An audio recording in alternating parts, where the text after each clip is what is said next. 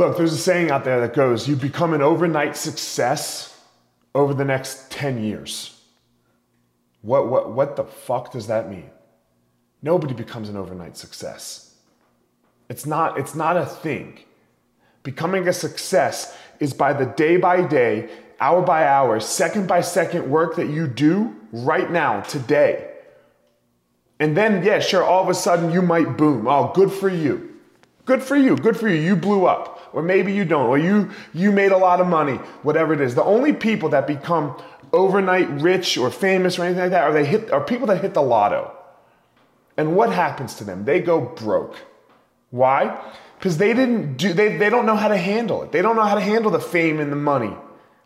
Part part of uh, being able to deal with being rich and famous is the process that you take, okay, I have zero dollars, now I have 10, now I have 50, now I have a thousand, now I have 10,000.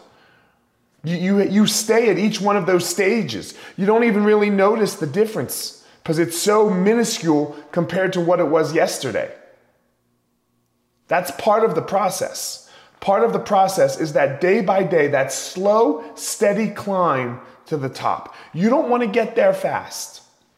You don't want to. You think you do. Everyone thinks, "Oh, I want to blow." No, you want it you want it to be a grind. You want it to be a grind. It's just like teaching your kids. You got to give your kids money sometimes so that they know how to handle that money.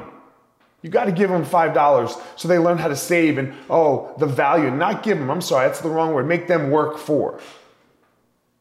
So that they know, they understand what it took to get that money what it took to get that success that they now have. Okay, I have $5, I can go buy this or I can, oh, I don't know.